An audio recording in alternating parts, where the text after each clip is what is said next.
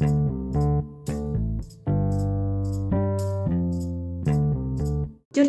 Podcast. Curcol membuat podcast.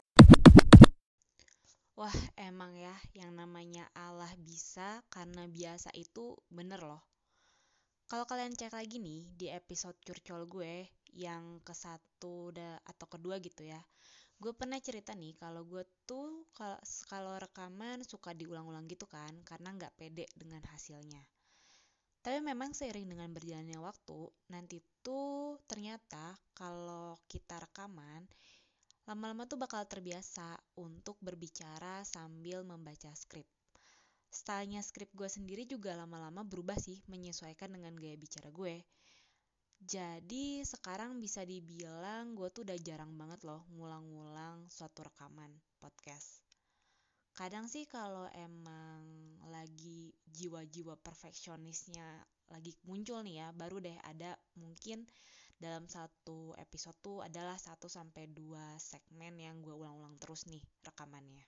Sampai gue menemukan uh, rasa kalau oh ini cocok nih untuk dipakai.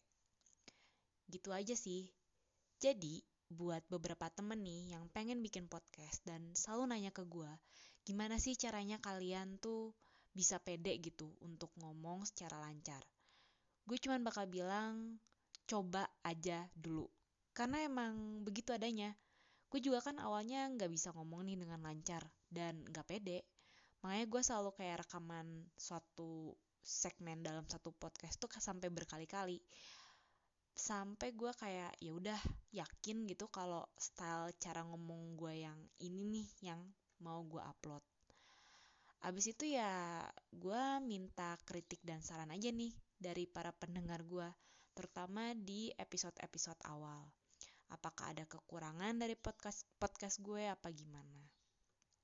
Lama-lama karena gue udah nemu style yang sesuai nih sama gue, ya udah rekaman udah nggak pakai a i u e o lagi. Mungkin masih ada jeda ya, kadang-kadang cuman kayak gue merasa itu part of my style lah kayak gitu. Jadi, nasihat gue untuk apa pun yang kalian mau coba, tapi nggak pede, gue akan selalu bilang coba aja dulu. Kalau nggak sempurna di percobaan pertama, ya perbaiki nanti di percobaan kedua dan seterusnya sampai akhirnya ketidaksempurnaan itu tuh semakin gak kelihatan. Gak terbatas cuman buat bikin podcast aja loh ini ya tapi juga buat segala karya yang pengen kalian tunjukkan kepada dunia kayak vlog, blog, IG post kali atau bahkan IG live. Seperti kata Koko Ernest Prakasa dalam suatu postingan IG-nya nih, dia bilang kayak gini. Pengen posting hasil karya sendiri tapi malu karena yang like cuman sedikit. Coba kalau perspektifnya diubah. Mana yang lebih membawa kepuasan batin?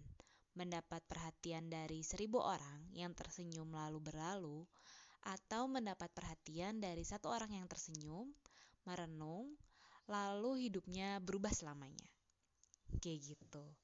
Terus ada juga nih quote bagus lainnya yang gue dapat dari bukunya Oprah Winfrey yang cukup bagus untuk memberi semangat kalian, yaitu Ketika kamu tahu, ajarkan.